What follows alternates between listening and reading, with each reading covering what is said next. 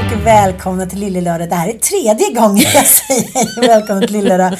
Vi kom liksom Jag var inte redo. Jag var hon inte redo för att börja. Frugis är inte redo. Det är mycket som har hänt som vi ska reda ut innan och sådär. Mm, Ja, han har så mycket spaningar. Så mycket spaningar här. Det, är det så att, att folket kommer igång nu för att det, det, grusas där ute? Det börjar bli lite vårkänsla. Ljuset är lite mer blått. Krig eller inte, solen skiner. Så är det ju. Det lindrar ju. Men det där med solen, det påverkar ju inte dig, ditt lilla nattdjur. För jag har hört att du har varit på natten. Precis. Mamma har varit på klubb. Mamma har varit på klubb. Mamma blev väldigt trött efter klubb. Oj, var klubben sen? Klubben blev sen. För natten börjar ju väldigt sent. Ja, men det börjar ju vid elva. Uh, ska vi berätta lite vad natten är? Ja, men det tycker jag. Det tycker jag. A lot can happen in the next three years. Like a chatbot may be your new best friend. But what won't change? Needing health insurance. United Healthcare Tri Term Medical Plans are available for these changing times. Underwritten by Golden Rule Insurance Company, they offer budget friendly, flexible coverage for people who are in between jobs or missed open enrollment. The plans last nearly three years in some states, with access to a nationwide network of doctors and hospitals. So, for whatever tomorrow brings, United Healthcare Tri Term Medical Plans may be for you. Learn more at uh1.com. Ryan Reynolds here from Mint Mobile. With the price of just about everything going up during inflation, we thought we'd bring our prices down. So to help us, we brought in a reverse auctioneer, which is apparently a thing. Mint Mobile unlimited premium wireless. Ready to get 30, 30, bit to get 30, bit to get 20, 20, 20, bit to get 20, 20, bit to get 15, 15, 15, 15 just 15 bucks a month. So, Give it a try at mintmobile.com slash switch. $45 upfront for three months plus taxes and fees. Promo rate for new customers for limited time. Unlimited more than 40 gigabytes per month. Slows. Full terms at mintmobile.com.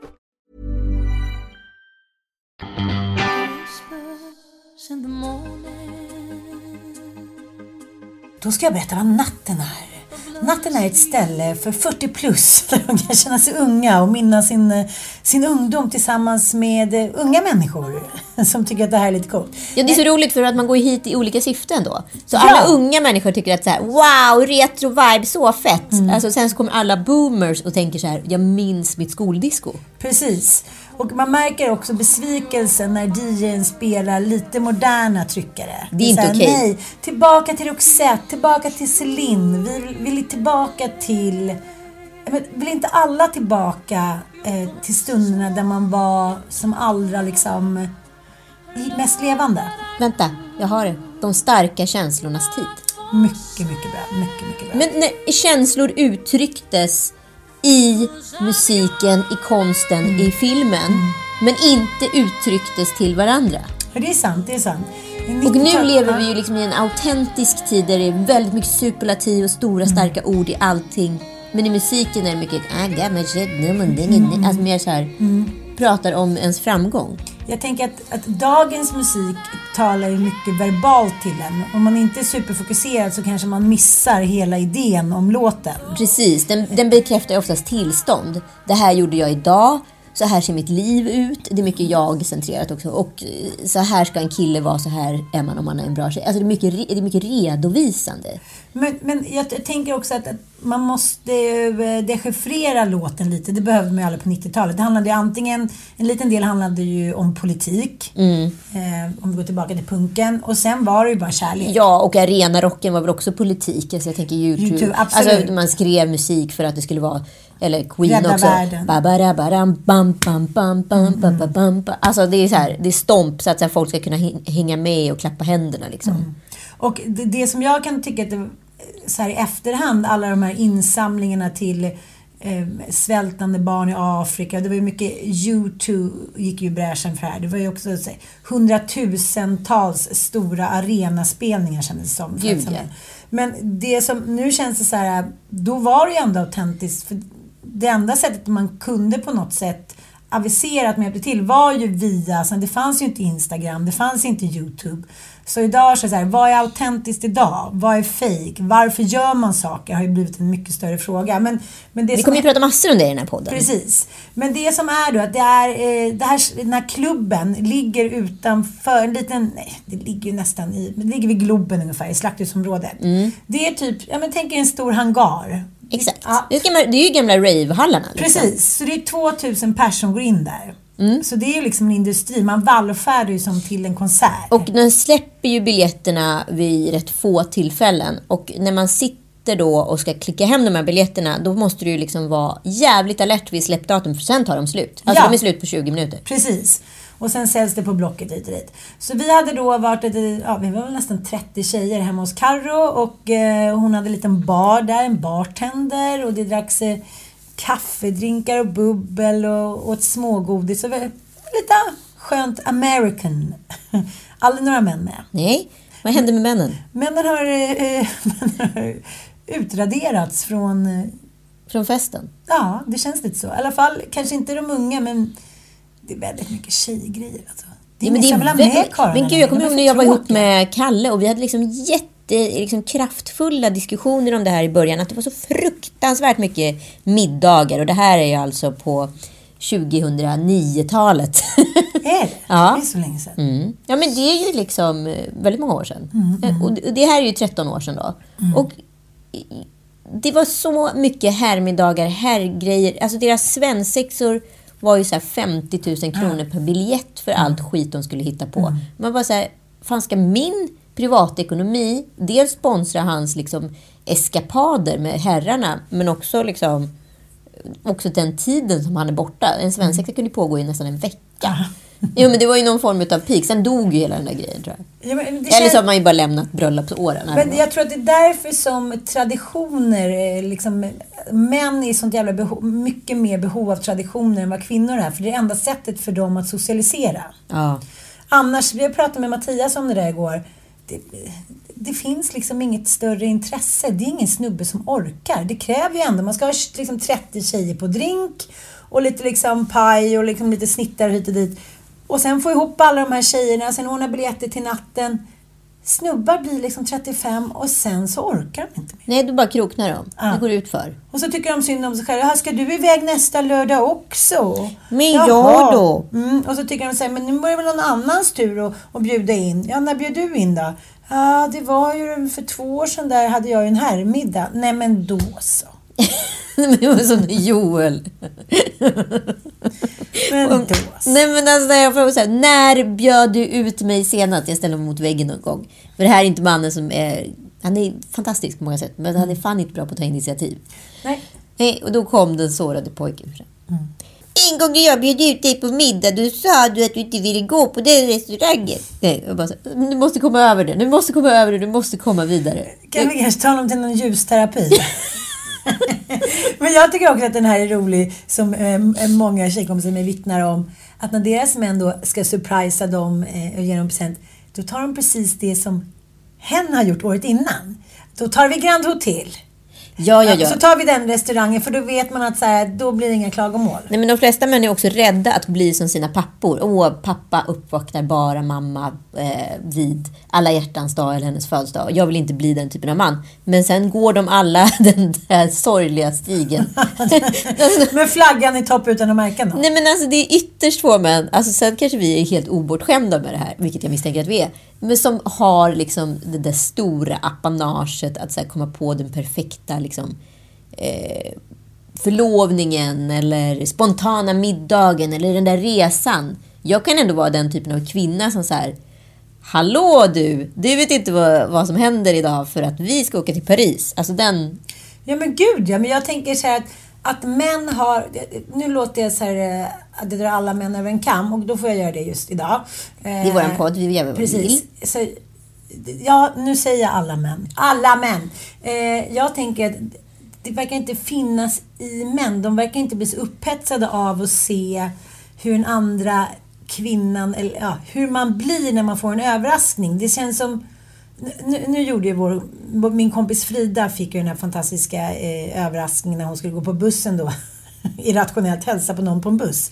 Frida, jaha, nu skulle du hälsa på någon på en buss och så satt vi alla där. Och då märkte man ju att hennes man tyckte att det här var så härligt för hon blev så lycklig. Mm. Men jag tror inte att...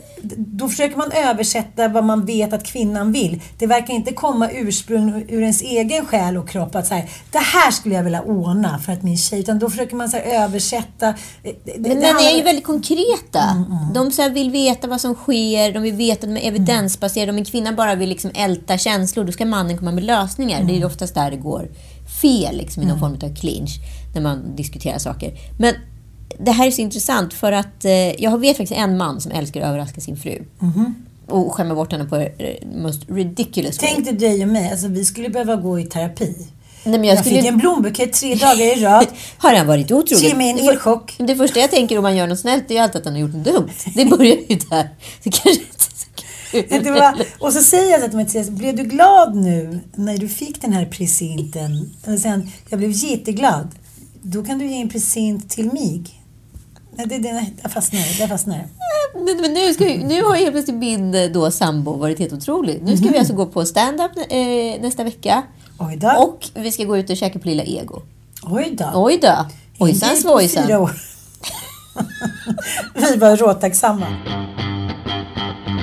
Nej, men jag måste återkomma, återkomma till det där att förklaringen till att sol och vårare lyckas komma undan med så här, Det är för att vi är så svältfödda. Det är för att vi är så jävla svältfödda. Vi tycker så här.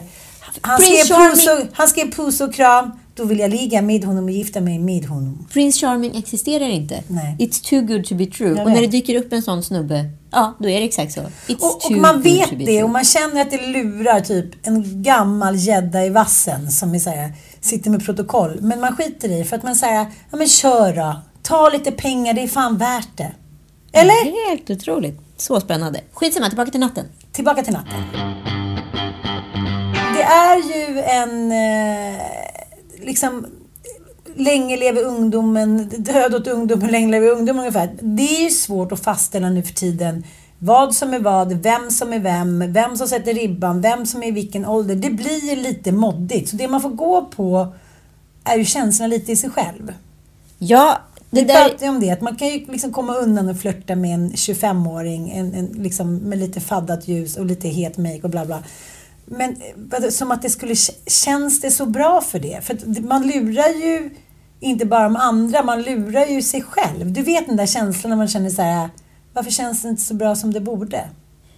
Nej men jag vet, och det här är så intressant dilemma för att eh, det som har skett med oss boomers i alla fall och en yngre generation också, det är att för första gången så möts vi ju på dansgolvet och är eh, lika på något sätt. Ja, och jag älskar idén. Jag älskar konceptet och du vill ju gå till natten för du vill ju träffa människor i samma ålder, men helst inte för många. Helst Nej. många unga, så Ja. Mm. att du kan känna dig ung och leva genom dem.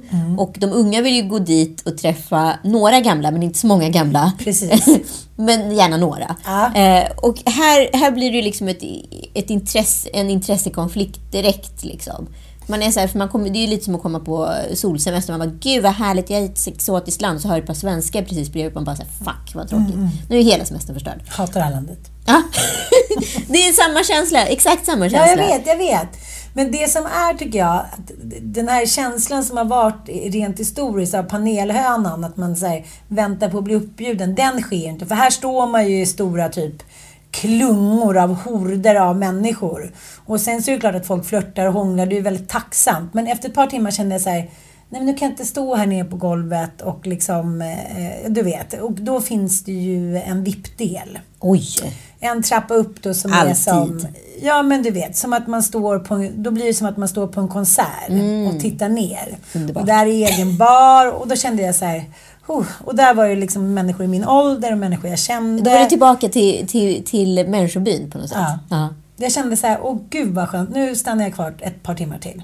Ja, men sådär. Det är Mm. pre- pre- precis sådär. Jag får ju, får ju panik. Jag var ute i torsdags så hängde jag med lite så här mixad ålder på vä- vänner. Och eh, var det var en ganska ung tjej sa till mig sen bara det som är så skönt med dig Anita, det är att du är liksom ålderslös. Du kan lika gärna vara 50 som 20. Och det är ju jättehärligt på Mm. Det är ett en jättefin sätt. komplimang. Det är en underbar komplimang. Men det är också extremt förvirrande för mig. Är den bra? Nej, för att jag skulle ju älska att vara på ett sätt definierad i ålder. Samtidigt så lever jag ju, jag märker på mina kompisar som är 40 plus, Att jag lever på ett sätt ett mycket yngre liv Mm. än vad de gör. Dels har jag barn varannan vecka, men så lever jag mycket yngre man. Mina kompisar är i spannet från 25 till Mm. 65. Så att, och jag har liksom själv slutat så här, definiera med ålder, eller så har jag blivit mer åldersfixerad. Det är det här jag inte kan definiera. Fattar, fattar. Skapar liksom det här känslan av att vara ageless, en åldersfixering. För det var någon som sa på en fest jag var på så här, Gud, den enda som pratar ålder här inne det är du och ingen bryr sig. Det är jag så här, ja nu när du säger det. Ja, men jag fattar. Men, men man kanske också... Man tänker att man kanske lever på lånad tid. Ja, men blir ålder viktigare ju äldre man blir? Alltså, är, ålder bara en siffra för någon som är yngre och någon som är äldre är det väldigt så här. Jag är faktiskt med i matchen. Att Jag det är mer fattar, bekräftelse i ålder. Men jag tror att det handlar om så här, vi vet ju att allting definieras utifrån kön, ålder, utseende. Så här, vi kan lika gärna tugga i oss det. Det är ju så det är liksom. Så att det är klart att när man får hänga med lite på lånad tid så blir det ju viktigare för man får en bekräftelse i att de andra har liksom saggat ur lite, de andra har blivit lite sletna och trötta. Men jag är inte det. Jag är väl inte det. Är jag det? Så jag tror att det blir, man blir upphöjd men man vet också att man kan bli nedputtad. Ja, just det. Och det skapar att man blir lite fixerad till att man vill se att de andra fortfarande bekräftar att man är den där ålderslösa. Förstår du vad jag menar? Ja, men jag förstår precis. Och jag tänker att det är väl det som händer i förlängningen med att man skaffar barn sent. Som till exempel Petra B. Meder nu som faktiskt är 52. Eller för mig som, eh, som har skaffat barn liksom ganska sent. Att jag behöver ju inte ta Du tag är i det här. 50 år och småbarn hemma. Precis. Ja. Och det fuckar ju upp såklart alltså, det, det, hela kroppstanken och liksom utseendetanken och vem jag är. Och allting sitter ju i hur man definierar sig själv. Det är ju med självkänslan och självförtroende. Om någon säger så här, gud vad du är så ung ut, du, vad ska du fylla 50? Det är helt otroligt. Eller så här, man sitter någonstans och man har småbarn. Det är kanske inte folk som tänker så här, hon ska fylla 50 för hon har en femåring då, då är det ju ändå att det blir i betraktarens öga. Sen om någon skulle säga så här, men gud, är du 50 och en femåring, ska du gå på natten, du är 50. Ja, då helt plötsligt så har ju den där tolvslaget och förtrollningen är ju bruten. Så den är ju väldigt skör den där att man får haka på lite extra. Ja, men precis. Men tillbaka till Petra Medes graviditet. Jag kan ändå bli förundrad att människor tror liksom att en 52-åring idag kan få barn helt naturligt. Nej men jag måste bara säga Men är alla dumma i huvudet? Nej, men Eller- finns det liksom ingen biologisk räkenskap längre? Alla Har det också försvunnit med den här tidslösheten? Ja, Eller vad är det som alltså hänt? alla tror man, hon är 52 och hon bara knullade lite så blev hon med barn. Alltså det är inte så att våra kroppar har förändrats. Den bio, biologiska klockan och... Men du och jag pratar om det. Du tycker att, att det är känsligt för mig när du säger att jag är klimakteriet. Jag säger, jag är inte det. Jag har fortfarande regelbunden mens. Att det är också ett bevis på att man kan vara för evigt ung. Så jag tror att sparken ut ur det blir väldigt hård för många för att vi ska låtsas som att det inte finns. Men precis. Men det är så här, ja men J.Lo ser bara ut sådär och hon är 50 plus. Mm. Hon har inte gjort någonting. Helt otroligt. Hon, har bara, hon käkar bra. Ja, och och hon har tränat massor. Mm, Ja. Men jag tänker så här, om, om människan skulle dels hålla lite koll på vad man kan göra. Allt med så här, oj du kan eh, sy trådar med kollagen. eh, Du kan eh, fettsuga fram muskler. Du kan bla bla bla. Så är det så att om du tittar på hur en människa såg ut för typ 20 år sedan bara så är det ingen som ser ut som J Lo när de är 52. Det har skett i och med utvecklingen av detta. Och det är ju samma sak, min syrra var ju 50 när hon fick sin bebis förra året. Men hon har ju hållit på i flera år med en, någon annans ägg och befruktning. Alltså, man, alla kan ju vara ett kärl ja, gud ja. Men, ja, men det är ju bara att läsa på sin, sin biologi. Så så här, efter 41 så, så är det sån dramatisk nedgång på att man ens kan bli gravid. Det är så här, ja du har en chans var, typ, var tolfte ägglossning och sen så är det 75 risk att, att du får missfall också. Så, att, så här, när man är 52 så går man inte och ligger med någon och blir på smällen. Det är liksom Ja, det kanske har hänt en eller två gånger typ i Sveriges historia. Och ändå så, och det är samma sak tycker jag med utseende, precis som du säger så här, Gud vad hon har hållit sig fräsch. Hon har verkligen åldrats med värdighet. Man bara, ja det är klart hon har eftersom hon är typ lyft och har nya tuttar, ny mage, bla bla bla. Allting går ju att göra. Ja, men alltså allt går ju att göra och det här som är så himla fascinerande att så här, vi är alla liksom, vi är så mycket i cyklopernas land att ficklamp, det, dit ficklampan liksom lyser. Om det är krig i Ukraina, ja då är det ju för fan, då är det för fan fred för antivaxare. Är det liksom Petra Medes graviditet, då tror vi på det. Alltså vi är så lättköpta hela tiden i i den tid vi lever i på något sätt. Så här, oh, nu, tittas, nu, nu riktas lampan ditåt. Ja, då nu är den dit- sann. Då är den sann. Och nu, med det sagt är det varken antivax eller kriget i Ukraina, men vi kan bara fokusera på en sak i taget. Ja, men jag blev så fascinerad för att du har läst den här boken av eh, Annika Norlin som handlar om confirmers. Eh, I en av novellerna så är det en tjej som utbildar sig till terapeut. Och eh, så efter ett tag känner hon så här, nej men nej, det här är inte, det, här, det hjälper ju ingen att rota i sin skit liksom. Och så hittar hon, eh, jag vet inte hur hon söker på någonstans, men hon hittar i USA en, en terapeut som är confirmer. Alltså som bara jobbar med bekräftelse. Ah. Och så ser hon sig själv ur sin profession då och sina egna relationer. Och då berättar hon om en kille, eh, hon berättar om, om, liksom, om sina egna relationer, de, hur män har bekräftat henne och inte. Och eh, först har hon ett par relationer där männen, liksom, där hon är så här, men vad tycker du om mig? Så, Nej men vi har det bra typ. Jo, ja men du vet. Det jag tycker du är liksom, ja men vi har det härligt. Jag tycker om att vara med dig. Hon bara så här, nej men snälla ge mig någonting. Hon sitter och säger till henne och säger, du är så vacker, jag älskar dig när du liksom sitter i solen där, dina fräknar. Hon bara så här, ger och ger, du är så smart och det är så intressant när du berättar om det där. Hon bara så här, ger och ger och ger, för hon vet att det är det enda sättet att få vara kvar. Mm. Men har man inte några sådana kompisar som bara man umgås med nästan för att de är så boosters? Jo, och, och män har vi också haft för Ja. att med boosters. Men då började jag rannsaka min egen relation. För Det blir sen- rätt ut, lätt uttråkad rätt fort. Ja, men, kanske lite både och kommer jag på. För sen har hon också en relation där killen är confirmer. Oj! Mm. Och eh, det börjar redan första kvällen när de träffas att han berättar för sina Gud, hon är så rolig. Hör, liksom, hör hennes skämt. Roligaste man hör typ. Hon är så vacker. Hon sitter och bara, det där var ju en av mina plattaste skämt. Nej men jag är ju inte vacker, jag ser ju bra ut. Jag är, liksom, jag är varken snygg eller inte snygg. Jag, är här, jag verkar ha ett mysigt utseende som folk, folk trivs med mitt utseende. Det är ju jag med. Men allting, han liksom upphöjer henne. Han på- gör superlativ utav Precis, plattityder. precis som vissa liksom, eh, kvinnor också kan vara för män. Mm. Man bara, nej han väger 200 pannor och liksom, du har snor som hänger typ ur, ur näsan. Bara, han är så snygg min man. Man bara, okej. De har bestämt sig för att de ska älska den här personen och uppa den. Hur den är, ja men typ lite som Anders Bagge och Johanna. Ja, men precis. Ja. Men hon, måste ju vara en confirmer till honom. Ja, men jag, jag blir så fascinerad för jag vill själv vara en confirmer och för att jag förstår hur härligt det måste vara att leva med en sån människa. Och jag vill att liksom min man också ska vara det. Men då berättar hon hur som helst att till slut när han har fått henne dit han vill, då är han inte längre intresserad. Då är hon borta. Då har han fått sin skalp. Nu är hon besatt. Nu vill hon ha honom. Nu är liksom det allt hon Men någonsin vadå, han önskat. lyckas liksom vinna över henne med bekräftelsen. Hon vet att bekräftelsen är till viss del icke sann för att det han säger är inte de attributen som, eller är inte de personlighetsdragen som liksom är hennes bästa. Alltså, han kör bara på. Vad hon än gör så tycker han att hon är helt fantastisk. Och när de har sex så är det så här Ja, men det är fantastiskt sex och han, liksom, han frågar henne och han berättar att hennes kropp är så vacker och det är det skönaste sex och bla bla. Och till slut så kan hon liksom inte leva utan den här confirmen. För att det är, så här, det är så jävla härligt att gå i det där ljuset för i hans ljus av henne så börjar hon också älska sig själv. Och sin Åh. kropp. Och det här stora arslet som hon alltid har tyckt liksom, det jävla arslet, det passar perfekt till hennes kropp.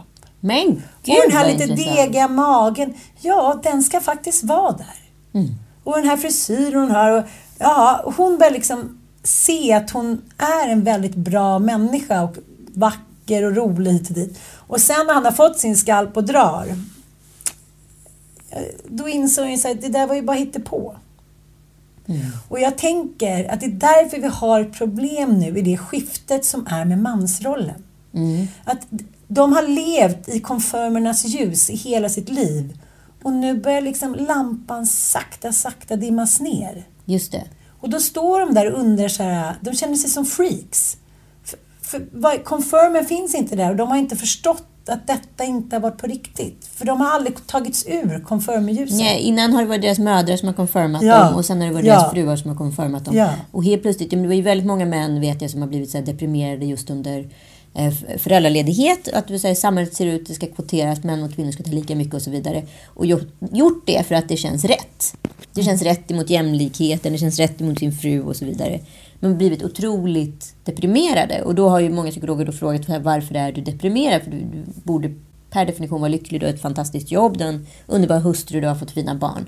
Då är det ingen som har bekräftat dem. Nej. Det är ingen som har sagt att du är duktig. Män är ju väldigt, precis som vi sa, väldigt resultatbaserade. Att varför män älskar att gå till ett kontor och vara i ett sammanhang på en arbetsplats, det är för att man, de älskar många gånger resultat på ett helt annat sätt än kanske kvinnor gör. Vi är ju många duktiga flickor, men det handlar mer om en så här självspäkeri och inre strävan av bekräftelse. Inte så mycket extern bekräftelse egentligen. Men jag tycker att det är så jävla intressant för då försöker hon få tillbaka när hon klipper sig. Varje gång de ses ute så här, försöker hon liksom med någon liten ny taktik och säga något roligt. Men det var ju inte liksom... Ju, han ville ju bara... Han gick ju, han gick igång på att få henne dit han ville besatt. Ja. Och, liksom, och han var ju inte ens särskilt Precis, skulle snygg. liksom, eh, han, alltså han skulle få henne att gå på myten om sig själv. Ja. Men jag tänker säga en kompis till mig, eh, vi pratade om när, när hon hade varit otrogen mot sin man och han fick reda på det och eh, tyckte så här. Och så försökte de en liten stund igen och så, sen, sen, sen var han så här, nej men jag kan nej. Nu är det slut liksom. Vi ligger inte längre, vi är inte kära i varandra och så här.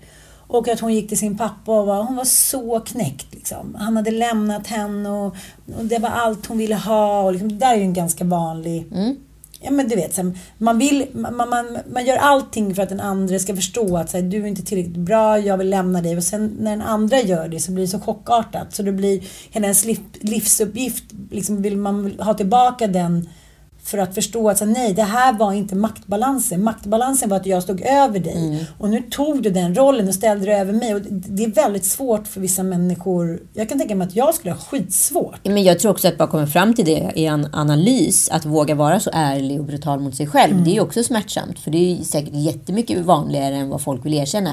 Omskrivningarnas moder har många ja, namn. Ja. Och eh, då gick hon till sin pappa som är terapeut och han sa så här, men är du kär i honom då?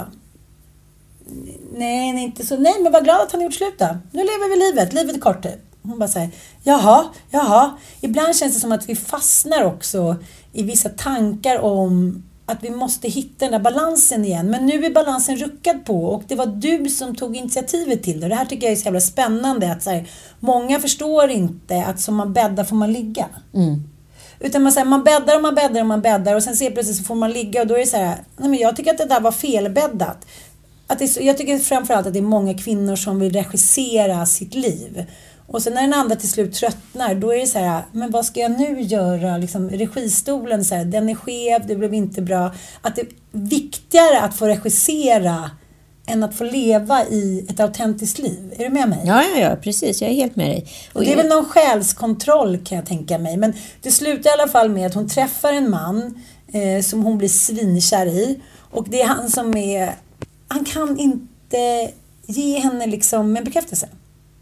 Hon bara försöker och jobbar på hit och dit. Han är såhär, men vi har det väl härligt. Och hon ger upp en liksom, strategi. Hon är såhär, okej jag smsar, sen hör jag inte av mig på flera dagar. Alltså att allting hamnar, att- så man hamnar i confirmens skugga. Att spela det här spelet.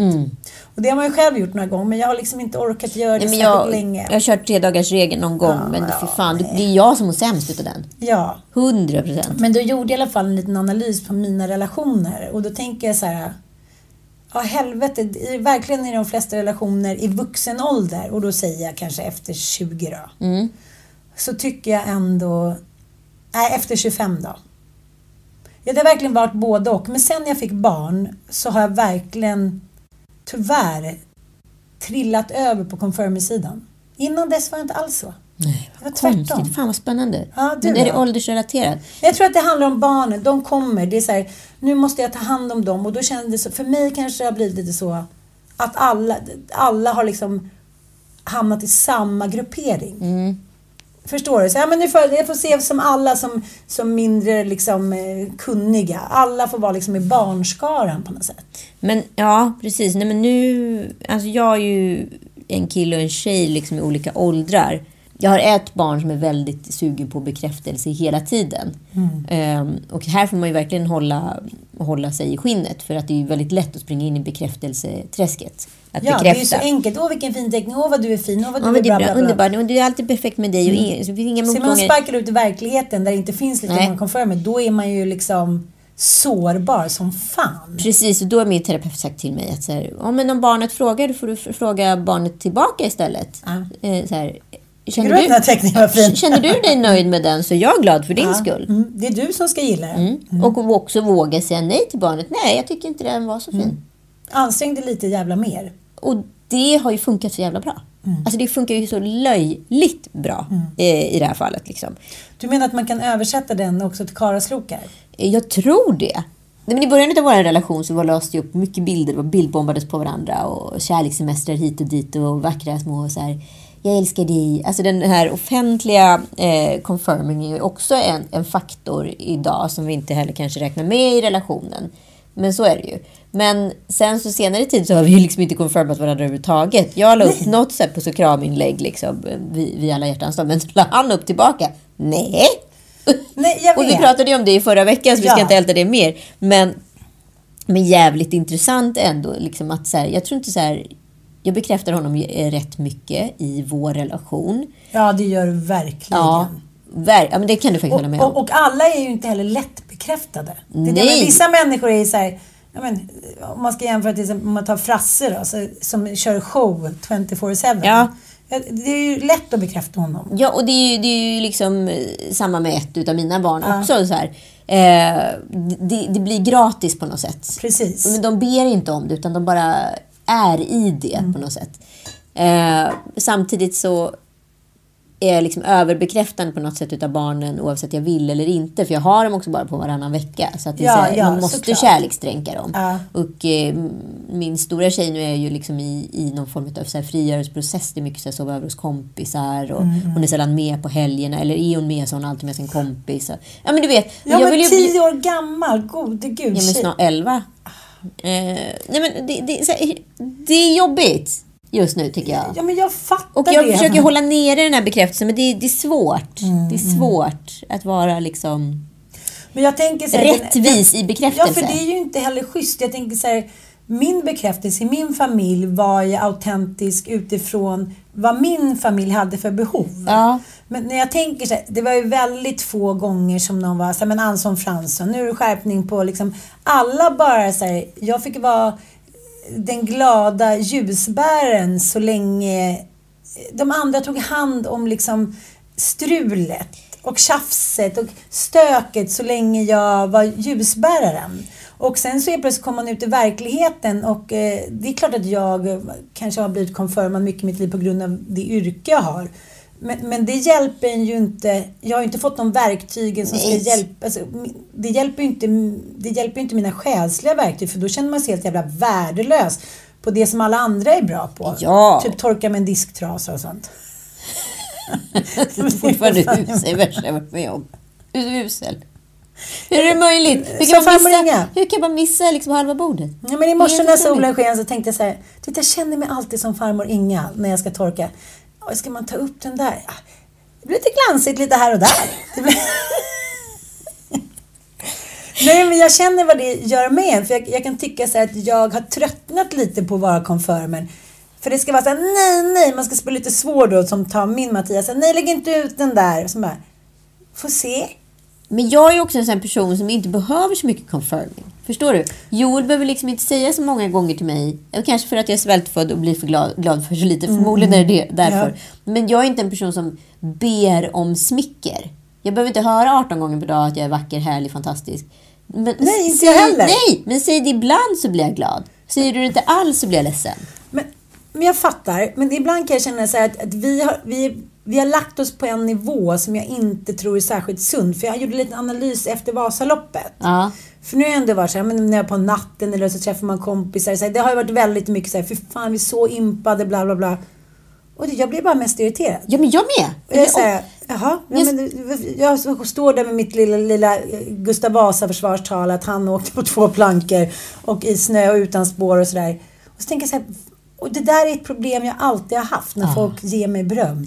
Jag är så här, men vadå, ge någon beröm? Ge någon som har liksom stått typ... Någon kommer fram på stan och säger att man har en snygg kappa eller jag går fram till någon och bara säger Fan vad du är fin i håret. Alltså, det, det kan ju göra ens dag... Alltså man kan ju leva på den luften i flera veckor. Ja.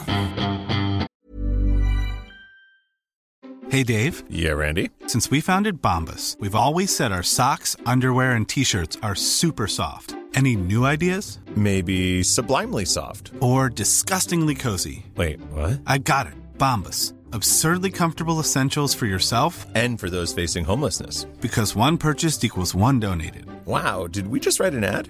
Yes. Bombas. Big comfort for everyone. Go to bombas.com slash ACAST and use code ACAST for 20% off your first purchase. Quality sleep is essential. That's why the Sleep Number Smart Bed is designed for your ever evolving sleep needs. Need a bed that's firmer or softer on either side? Helps you sleep at a comfortable temperature? Sleep Number Smart Beds let you individualize your comfort so you sleep better together. JD Power ranks Sleep Number number 1 in customer satisfaction with mattresses purchased in-store. And now, save 50% on the Sleep Number limited edition Smart Bed for a limited time. For JD Power 2023 award information, visit jdpower.com/awards. Only at a Sleep Number store or sleepnumber.com. Jag satt, i, jag satt i ett möte med en man i höstas tillsammans med en, en beställare. Och den här mannen är prominent eh, man inom underhållning och han boostade mig på ett sätt som jag aldrig blivit boostad yrkesmässigt förut. Han berättade om min briljans med mig sittandes vid bordet för den här personen i tredje person. Och jag fick nästan en panikångestattack så jag var tvungen att putta till honom tills bara så nu slutar du! Det är därför du puttar till mig nu. Ja, nu slutar du, sa jag. Och det blev jättekonstig stämning vid bordet såklart.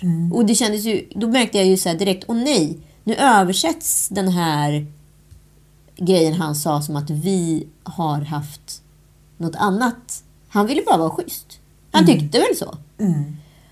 Och jag blev så stekt av den reaktionen hos mig själv för att det handlade ju om att det här är en sån jävla djup osäkerhet i mig. Att den är så... Den har inte liksom... Den har inte pillats på, den har inte kittlats. Det var liksom som att så här, första gången det skedde i verkligheten. Jag har sett scenarion på film, jag har hört om vänner, jag har sett män göra så mot sina kvinnor och så vidare.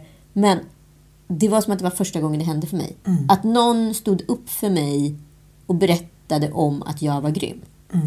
Det har jag nämligen Och tydligen krävde ingenting tillbaka. och krävde ingenting Det tillbaka. hade du aldrig varit med om. Nej.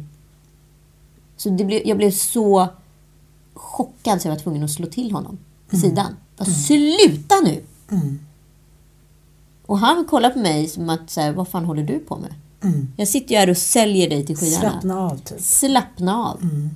Men det jag menar är att här, man ska inte underskatta confirmen. För att jag tror att många människor, kvinnor blir ju i medelåldern eh, liksom bevisat väldigt deprimerade. Det är väldigt många som blir det. så här 60% av alla kvinnor över typ 40 hamnar liksom i en deep svacka. Och det, det är det jag menar. Att så här, jag har tänkt på min familj som min flock som jag så här, efter bästa förmåga ska få överleva, få må bra, liksom fina, hela, rena.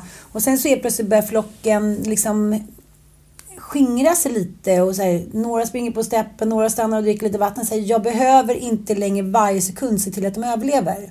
Och då helt plötsligt står ju så här, lejonmannen kvar. Nu helt plötsligt står ju han ju ensam på klippan för att han är inte ihopgeggad med de andra. Just Och det. Då blir det ju väldigt tydligt vad man har för roller. Och då Ja, kan jag också förstå att så här, mannen blir lite så här, jaha, nu ska jag tydligen plocka hem något så här, byte och liksom bekräfta kvinnan. Fast hon har inte krävt någonting av mig under så många år. Och här tror jag blev det tydligt när jag läste den här novellen att man har varit confirmen på alla plan. Alla jävla plan. Man driver relationen, man driver barnen, man driver liksom semestrar, man driver det själsliga, man driver liksom all jävla Men jag är ju framåt. också projektledare i Fyr Alles. Så det, det är ju så här, jag vet inte, jag tror att vi, det, vi ska inte bara... Det finns ju liksom den här Amanda Schulman-karaktären som jag pratade om tidigare som har en confirmer hela tiden. Som, som hela tiden är där och ser till att prinsessan på ert får Eiderdunsbolstren puttade och puffade. Liksom. Vi har ju aldrig fått lägga på ärten. Nej, men fast det handlar ju om att hon har varit jävligt smart från början. Gud, tagit kontroll ja. över situationen. Jag har följt henne i många år och känner henne och jag har alltid varit så här fascinerad. Hon säger, det här är de behoven jag har. Och det har jag också berättat om det när jag flyttade till Bromma. Att jag var så här, jaha, ska vi inte nu typ släppa allt och ha det här mötet? Nej, någon har ont i huvudet. Nej, någon är utbränd. Man bara säger, jaha, man ska också ha behov. Och man visar sig vara, Mattias brukar säga det, det, är så här, det är svårt med dig för att du blir liksom som en övermänniska. Och sen så är plötsligt så faller du och då är det så här, jag kan inte ta emot dig. Nej. Jag förstår inte, så hör jag dig så här, ligga inne på, i sovrummet och prata med Anita och gråta. Och jag är så här, jaha, han blir liksom handfallen. Ja, men och det är som därför en 40-talist. de gånger som jag har liksom så här eh, behövt, när jag har varit i kaos och behövt liksom en person att så här förlita mig på. Det märker jag, du har ju ringt dig. Vem har det varit som har varit med mig hos min pappa? Alltså det är inte så här att jag medvetet har exkluderat Joel. Det är bara så att så här, han vet inte hur han ska göra i en sån här situation. Nej. Och då ringer jag den som jag tror vet ska hantera det här på bästa sätt. Och, få, och som är starkare än mig själv. För jag är ju väldigt stark och det är ju precis som du. Vi är väldigt starka. Då måste man mötas med någon jämlik liksom, som kan fånga en på samma nivå. Det här är så intressant Jag samtal. vet. Men jag, jag tänkte på det nu. Jag tycker det är så roligt hur vi kärleksbombar varandra. Ja. Jag får ju feeling ibland och skriver lite kärleksbrev till dig. Ja, ja. jag är lite sämre på det. Ja, men du, du, du liksom konfirmerar mig. Alltså du gör ju på andra sätt. Ja, precis. Vi har väl olika, vad heter det, lösnings... Jo, men jag känner ibland så här, jag, jag, bara, jag, jag älskar henne så mycket, jag måste hylla henne. Jag vet inte om det är om jag tror att du behöver just det, men det behöver inte vara. Jag bara får feeling och skickar något kärleksbrev till mig. Du säger, åh tack gulle, gulle hjärtan. Men medan du kanske är mer du säger ofta till mig du är, så, du är så rolig när vi spelar spel. Så kommer du bara där och så kläcker du någonting så här. Du säger att jag är smart. Du säger ja, men du, du kanske är liksom mer dagligdags. Medan jag får så stora svallande känslor. Ja, men precis. Ja. Ja, men, så du är alltså, vi är alltså confirmer för varandra, fast på olika sätt. Cope mes- mechanism.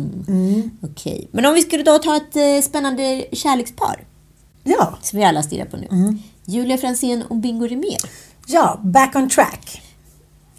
Jag, är så, jag, kan, jag, kan inte sluta titta på... Jag är så fascinerad. Jag vet, jag vet att du är det. Jag är besatt. Mm, mm. Berätta vad du är besatt av. Nej, men jag är besatt utav deras relation på ett osunt sätt. Samtidigt är jag provocerad av att de exponerar allt i sociala medier.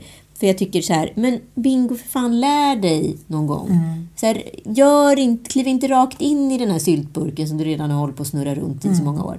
Här, skydda den här relationen, skydda dina barn, skydda liksom exponeringen. Men de, det är Instagram-inlägg och kärleksdrypande från sängen, från Han vill, bli, han vill bli confirmad av sina följare också. Att de tycker att det här nu blir rätt. Ja, men den, Mm. den confirmation måste man kanske inte ha, eller? Man kanske inte har en inre kärnan att man vet. Nej, men jag tänker att han har så många starka personer runt omkring sig som borde kunna confirma honom, inte annat hans liksom, fantastiska tonårsdotter.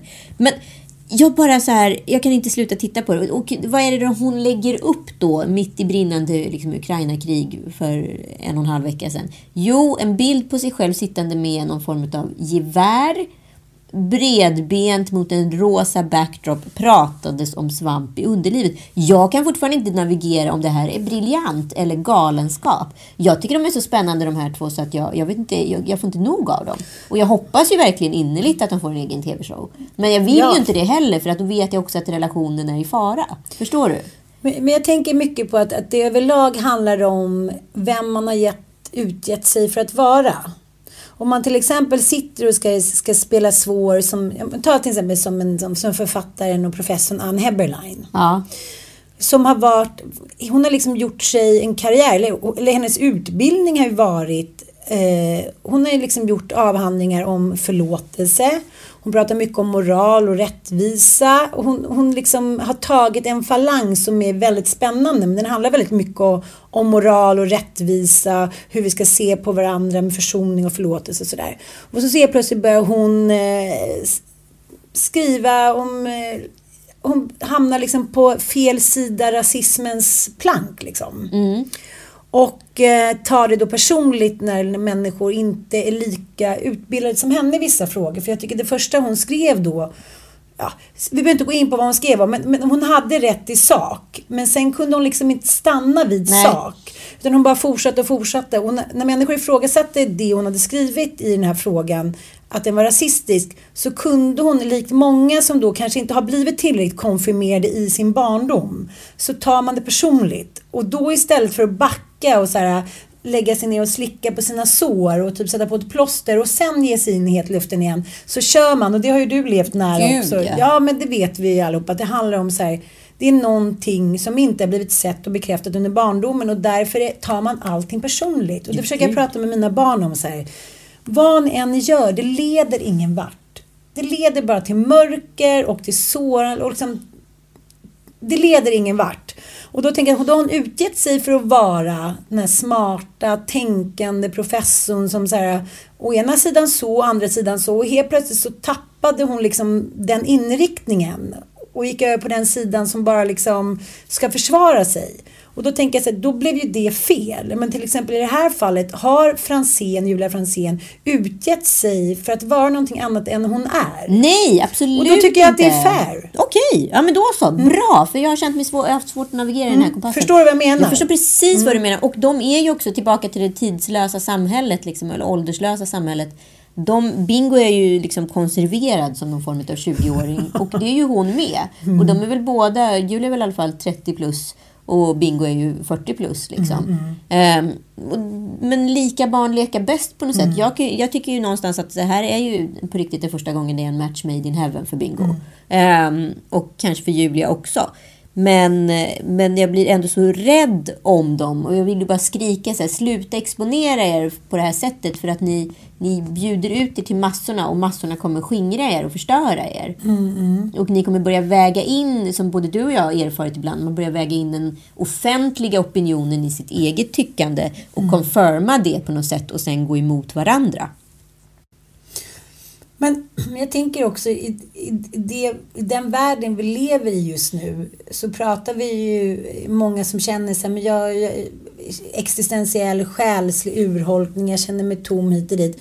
Men det är ju en ny, det har ju skapats en ny form av människa de senaste tio åren i och med sociala medier och liknande.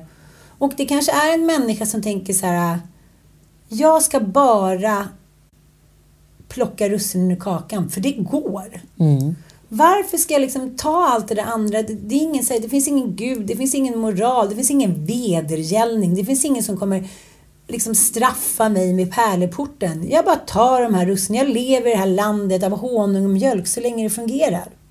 Gud ja. Så för dem kanske inte är något hot. Sen kan jag i den här debatten med allt, sorry allt gick åt helvete med geniet Söderholm och Laura Pass att så här, vad händer sen med bekräftelsen? Vad, vad händer sen när man, när man har då biktat sig och eh, visat vem man är inför alla? Är, måste man inte sen då göra ett jobb? Eller kan man fortsätta att leva i bekräftelsen av den nya hjälterollen av bikten? Är du med mig? Mm, jag förstår precis. Så jag känner så här, det är kanske vi som har fel. Man kanske inte behöver nå något djup eller nå någon försoning. Man kanske bara kan läcka och tycka att det är bra. Ja, men så kan det absolut vara. Ja, men en annan sak som vad heter det, har läckt och jag har skönjat som en trend här under Melodifestivalen bland annat är de här filmade live-reaktionerna på hur man upplever då om man är på plats på Mello när ens kompis, favoritartist etc. har då tagit sig vidare till final och så vidare. Det är att man vänder då kameran från scenen och riktar den mot sig själv för att då när den personens namn ropas upp jubla, s- liksom vara helt i extas, någon form av så här eufori etc. Jag gjorde ju exakt samma sak under Vasaloppet när jag stod där och böla. Ja, jag hade ju ja. rapporterat en del av Vasaloppet och jag ville vara så autentisk som möjligt. Och nu har jag en reaktionsvideo på mig själv när jag liksom har brutit loppet och vågar erkänna färg och började känna mig lyckad och misslyckad i ett. Ja. Kan vi inte lyssna igen, även fast vi har gjort det? För alla har inte hört det. Det är ändå starkt. Jag är nog framme i Evertsberg. Vilket är på 47 någonting i distans. Och jag är helt slut. Alltså jag är helt slut. Jag vill gärna åka vidare men det finns liksom inte en muskel i mig som klarar av det här. Jag är både så här glad för vad det är som jag skulle vara nöjd med och samtidigt är jag besviken. Det är så blandat. Jag har så ont i hela kroppen så jag förstår inte hur jag ska kunna stå en meter. Att Du säger det, du är nu både lyckad och misslyckad, lycklig och olycklig. Men framförallt tror jag att det som händer är att du är så sjukt fysiskt slut. Så att du kan liksom inte kontrollera någonting. Du Nej, bara släpper jag tömd. Du kan lika gärna skita på dig. Så ingen... Ja, men det kanske är exakt det som händer i de här eh, reaktionsvideorna. Ja, men jag, jag tänker egentligen att det är den ultimata confirmingen. För först bekräftar man sig själv, att man är en sån god vän, man är en sån bra förlorare. Man, men man är också lycklig för att man bara vågade eller för att någon annan vann. Det är, Ja. en, det är en dubbelexponering confirming. Alltså den är jättespännande. Eh, men sen har jag då sprungit på på Facebook. Jag skulle en- aldrig klara av att göra det tror jag. Tror du inte det? Inte st- stå och gråta och snora och sådär framför. Nej, Nej. jag tror inte det. Nej. Om någon annan filmade mig skulle jag kunna göra det. Men Att ta upp kameran själv och grina. nej, jag tror Du inte vet, det var inte lätt. Eller jag vet inte om jag ens jag tänkte förresten. Jag tänker efter. Jag bara, jag bara börjar böla. Ja, men det är ändå roligt att få med på alla känslor för det är det som är nu att man ju tröttnat på det tillrättalagda. Men då, så här, vad säger då att det var finare av dig att lägga upp det? För jag tyckte det var mycket mer spännande och autentiskt när du gjorde det än när Alexander Pärlros gjorde. Men ni hade båda samma avsikt. Nej, jag skulle inte skänka några hundratusen kronor till något bistånd. Nu kan du göra det. ja, nej, Eh, men det är spännande. Nej, och sen så blev jag då så förvånad över när jag sprang på på Facebook här i helgen. En massa överraskningsvideos. Som någon form av liten skådespelare. Jag vet inte, det ser ut som så här porrstjärnor som inte haft något att göra under covid. Alla ser helt brutala ut. Eh, och eh, de då har stageat olika situationer som aldrig tar slut. Så de ett livesänder, så de maskar på de här liven så rätt länge bara för att få så mycket views som möjligt. Och sen så repriserar de. De här filmerna har över 500 000 visningar. Det är upp till 200 000 kommentarer på vissa. Jag är så perplex över det här, för det här är alltså fejkade överraskningsvideos som ingen jävel kan tro på är sanna. Det är allt från liksom lösmagar till bröllopssituationer till fejkade pranks etc. Om, om det här hade varit liksom ett gäng med 10 eller 15-åringar som hade gjort det här och lagt upp det på TikToks för att få läsa like och interaktion. Hade jag förstått det. Men det här är människor... Fast de hade inte fått några likes för att 15-åringar skulle tycka att det här sög. Ja, men det här är liksom ett, en teatergrupp på 30-åringar. Noll regi, utan bara högst liksom improvat. Men de har åtminstone en idé om vart den här historien ska leda. Och hon ska komma hem och tro, eh, inte förstå att killen har varit otrogen. Och i sovrummet står helt malplacerad skyltdocka som älskarinnan byter om till och sen låtsas vara skyltdockan till frugan förstår att det skyltdockan är älskarinnan.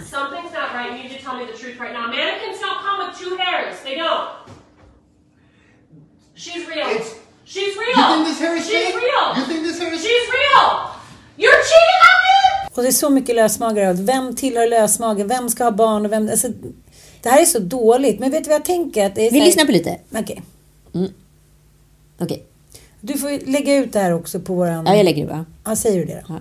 Ja, jag lägger ju självklart ut det här på vårt Instakonto också om man vill titta på spektaklet. Men jag känner bara så jag tänker på tiden före eh, man la ut i filmer. Jag tänker så här, stumfilm. Jag tänker Charlie Chaplin, Helan och Halvan fast utan briljanta skådisar. Mm. Att vi, så här, vi går tillbaka till en Mr Bean-liknande liksom... Men Mr Bean var ju inte bra, det var ju briljant, det hade ett Ja men manus. det är det jag menar, att man tänker så här, gud nu orkar människan inte liksom hålla på, det är för mycket skit som pågår, man vill bara sitta, det är, det är, det är buskis fast det, det är på en nivå som är under buskis. Ja, men Allt Stefan och Christer har, har regi och har ett manus. Det Ja, här och det är- det. Här är bara så här, Men det är oj, som- i tio minuter så är det en tjej som klättrar upp på den här flyg, där man lägger eh, Väskorna. väskorna.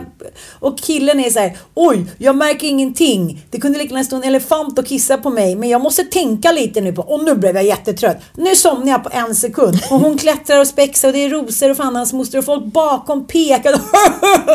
Nej men det är så här rysk buskis. Nej men alltså så här, jag kan ju se de här scenarierna utspelas när liksom mina barn var mindre och lekte eller skulle spela, sätta upp någon liten konstig teaterpjäs som aldrig tog slut. Eh, och där de så här improvar sig fram till någon form av resultat.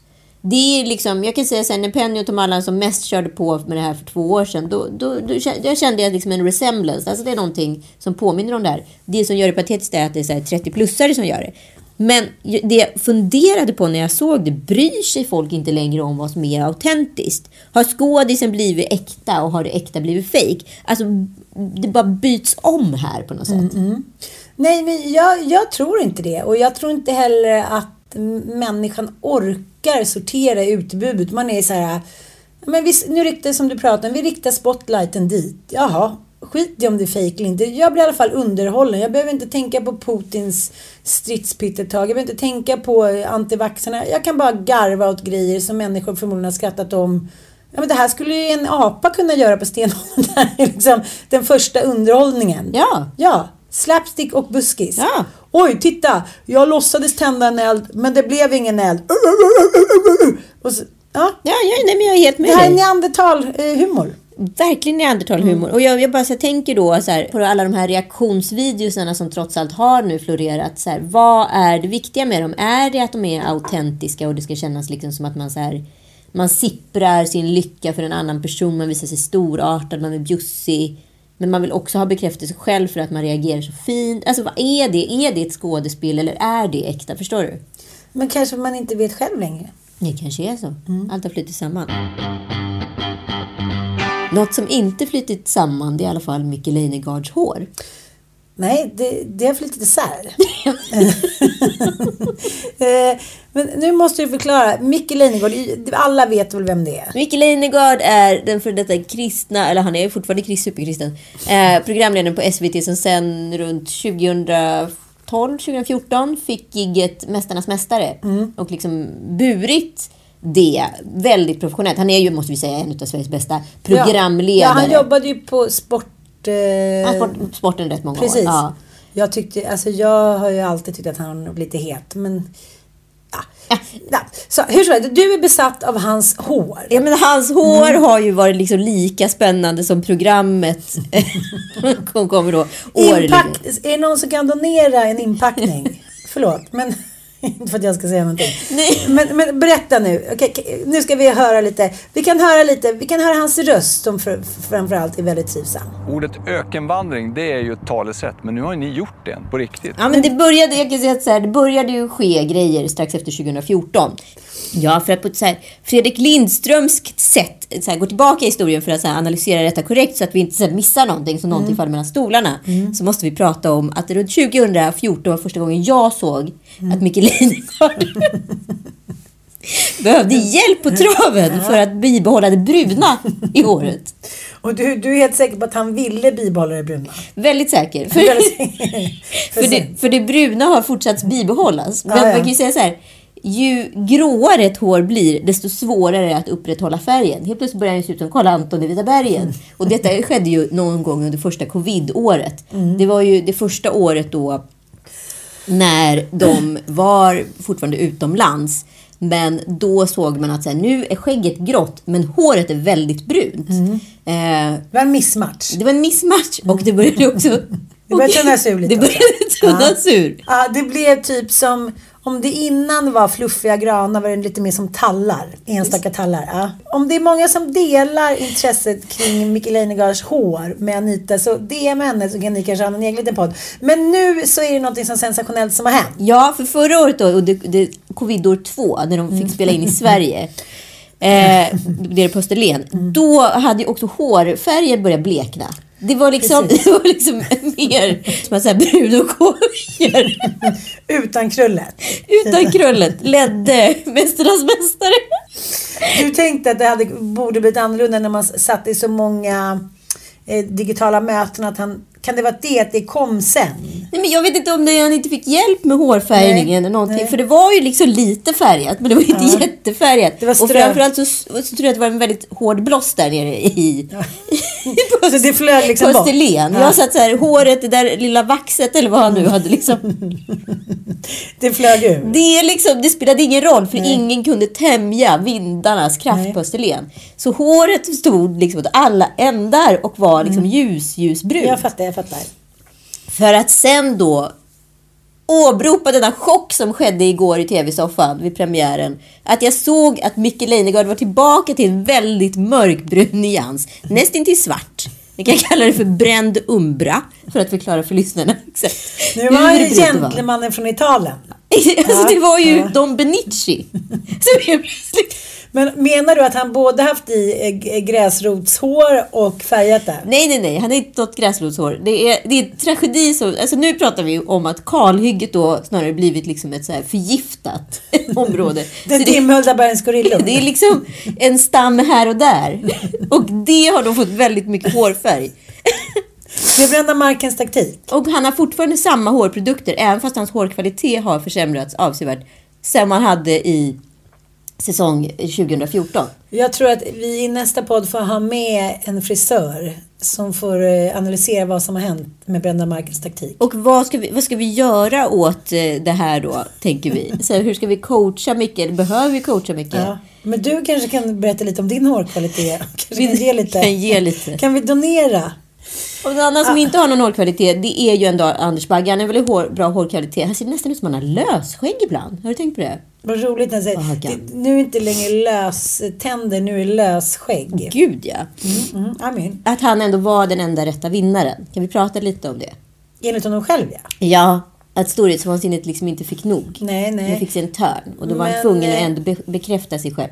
Tillbaka till den inre och den yttre bekräftelsen. Precis, för att, för att det är ju lite som eh, när människor inte blir bekräftade så då börjar de också prata med sig själva. Ja, det ser fint ut här. Det är Ja, ungefär som när jag åker bil med dig, Ann. jag kör jättebra. Oj, nu svänger jag. Nej, det gjorde jag inte. Boink. Jag har faktiskt erkänt för mig själv att jag är en usel Nej. för, Är det sant? för jag bryr mig inte.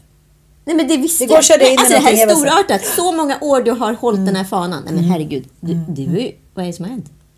Jag är som kör så jag bryr mig inte om bilen. Det här är stort för oss. Jag tycker det var väldigt spännande apropå det här. När Fredrik Lindström som, eh, ja, själv är ju inte lika, han är inte så mycket killgissare kanske eftersom han tar reda på det mesta. Men han är ändå en, en kille som behöver konfirmeras. Men han sa så här, de pratade om vilka, att, att det är liksom nästan, är, det har ju blivit en grej och eh, förklara så här att man, man kan inte vara med På spåret för man, man kan liksom inte ta skammen av att misslyckas. Men ändå så ställer ju många upp. Liksom. Gud ja. Men han sa att de flesta killar eh, får jag liksom ta ett snack med som vill ställa upp. Jag ställer upp för fan, det där kommer jag fixa bra. Så. Jag tycker inte du ska ställa upp faktiskt. Alltså, Han får göra det. nej, men han, han tycker så här. Varför vill du ställa upp? För det kommer... Du, du, du, är inte tillräckligt allmänbildad. Och det blir chockartat då för vissa. Liksom. Men eh, här har vi också hela mänsklighetens problem. att så här, Då har man blivit skamkonfirmerad. Så här, man förstår inte sitt eget bästa. Nej, man förstår inte att nu är det dags för dig att hålla käft. Precis. Men Om det någon hänger hade ihop med den här med modersbekräftelsen. Jo, men om Mickes mamma hade pratat med Micke eller Mickes fru och förklarat det här med håret. Att det kanske inte... Den här färgningen har inte... Det blir inte bra när hela Sverige ser också. Vi får ta liksom ett vidare Alltså grepp. det är kejsarens nya kläder. Ja, och ingen säger någonting. Och det här är ju någonting som eh, tror jag ofta sker, att man spelar spelet. Och det är det som hände i den här nya eh, undersökningen som varit med i Science, att, säga att det är så många kvinnor som fejkar orgasmer. Och eh, desto mindre bil, mindre kuk, sämre jobb, mindre macho männen är, desto mer fejkar kvinnorna.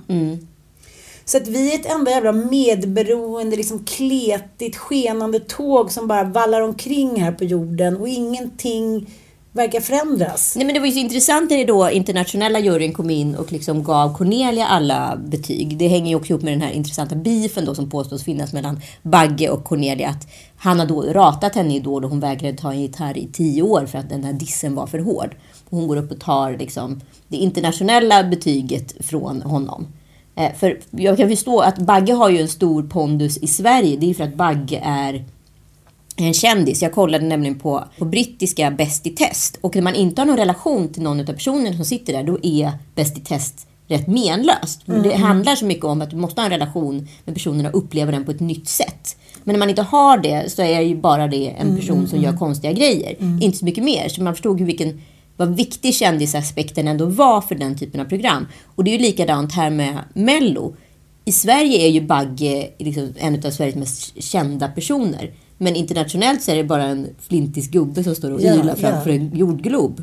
Ja, och jag tänker så här, rent hjärntvättningsmässigt så handlar det ju om att vi hjärntvättas ju också med gulliga grejer här i världen. Mm. Vi hjärntvättas ju med så här, om inte vi skulle vara svenskar så skulle vi ha ju kastat liksom surströmmingen och kaviaren.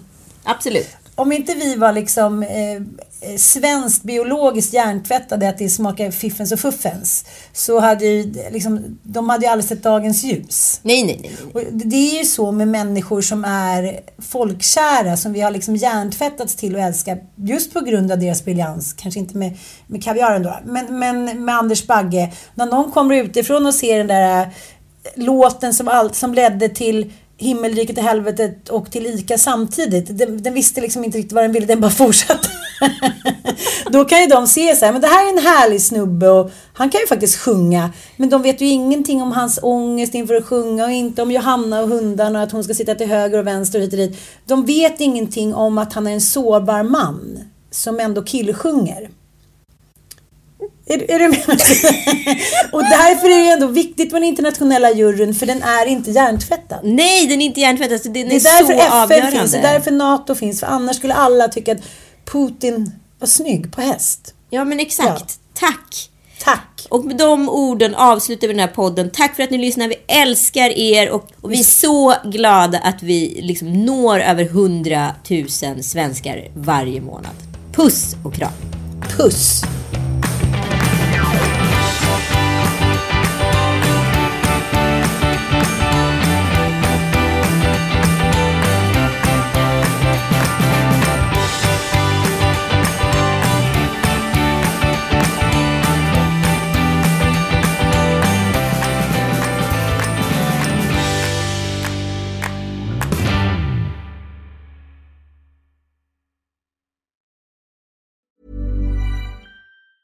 Hi, I'm Daniel, founder of Pretty Litter. Did you know cats tend to hide symptoms of sickness and pain? I learned this the hard way after losing my cat, Gingy. So I created Pretty Litter, a health monitoring litter that helps detect early signs of illness by changing colors, saving you money and potentially your cat's life. Pretty Litter is veterinarian developed, and it's the easiest way to keep tabs on your fur baby's health right at home. Go to prettylitter.com and use code ACAST for 20% off your first order and a free cat toy. Terms and conditions apply. See site for details. Hi, I'm Daniel, founder of Pretty Litter. Did you know cats tend to hide symptoms of sickness and pain? I learned this the hard way after losing my cat, Gingy. So I created Pretty Litter, a health monitoring litter that helps detect early signs of illness by changing colors, saving you money and potentially your cat's life. Pretty Litter is veterinarian developed, and it's the easiest way to keep tabs on your fur baby's health right at home. Go to prettylitter.com and use code ACAST for 20% off your first order and a free cat toy. Terms and conditions apply. See site for details.